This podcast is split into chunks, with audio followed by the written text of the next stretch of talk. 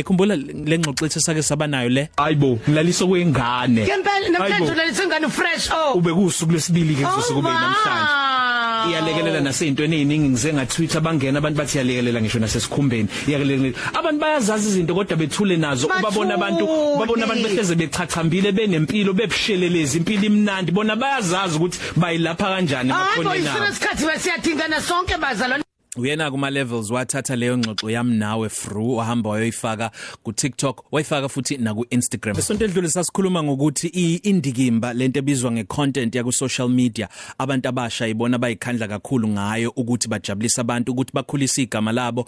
Mhlasimpe kube nabo babe ama brand azokwazi ukusebenzisana kanye nezinye inkampani ingakho ke namhlanje kwezibukayo sikhuluma no Andile wakabiyelwa obizwa ngoma levels lapha ya ku social media. Menziyo sawubona yes yes. Yona njani siyaphila bingelela phela.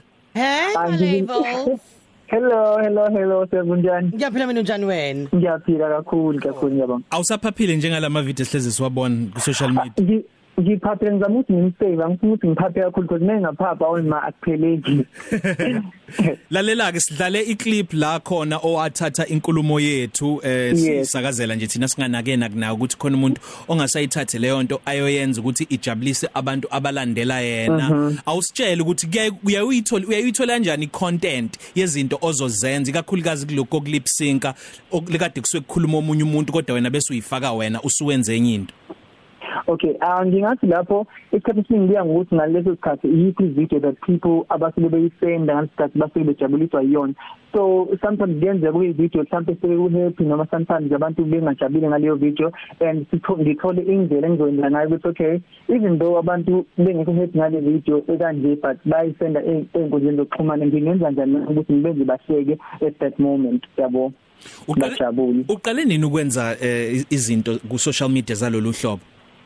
Okay ngingathi um dala ngaqala but i-platform e- en- mhlambe engithi iyona sengivulelile ukuthi nabantu abaningi baqale bangazi njengoba nje ngikhona lapha ku TikTok eh ngiqale last year December when I was introduced to TikTok by omunye wama TikTokers odumile nje kakhulu.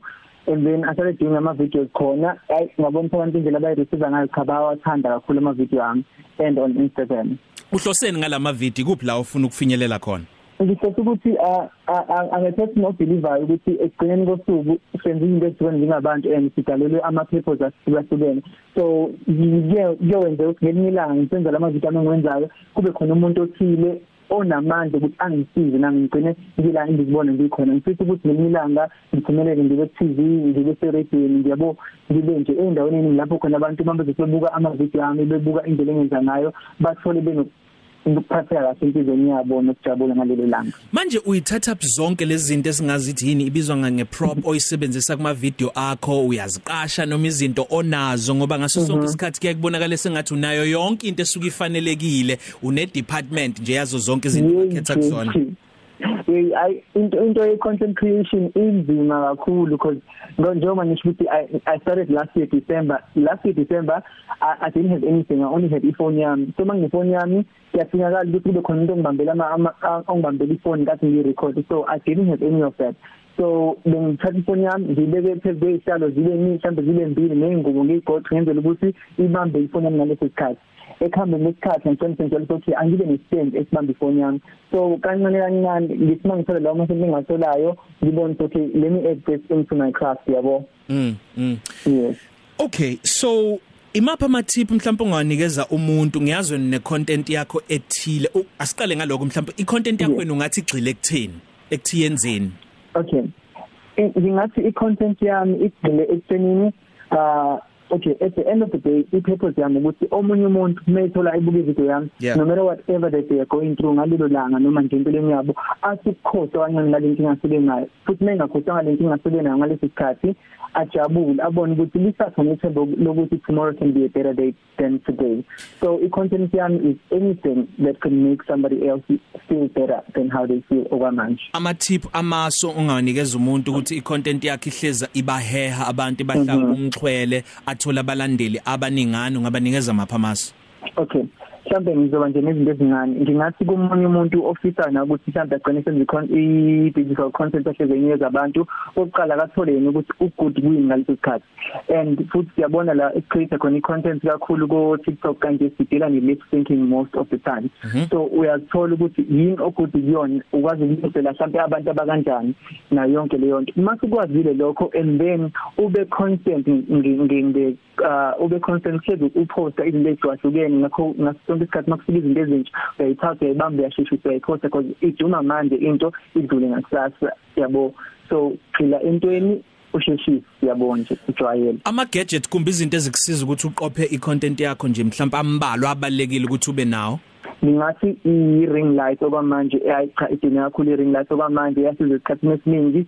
Yenza ukuthi lendawo sikuyona ngaleso sikhathi i-ring light ibambela ifone it serves as a same phone and it also gives you i-light a proper so that ama video akho can look ebe mahle and then okunye kungaba ifoni yakho okunye okunye kusingaku-eda but if you have nje i-stand sefoni yakho i-ring light nefoni yakho cha kwi-content creation usuqalile ngiyabona la ukuthi kwinhlolo khono yokufuna umethuli wemzansi insider ukuthi usuhamba wahamba impela wazwafika ko top 6 kanti uhlezi ungenela kwezinye inhlolo khona. Sikufisela okuhle kodwa mfethu njengoba futhi ulingisa ophinda ucula sengathi zonke izinto zakho zingakhambela kahle. Awukuyidayiseke kubantu abafuna ukukulandela ukuthi bangakuthola kuphi kumapha ama handles. Okay ngiyabonga kakhulu. So uandile uandile uma levels SA ela andile la sekhaya bese uma levels elabantu.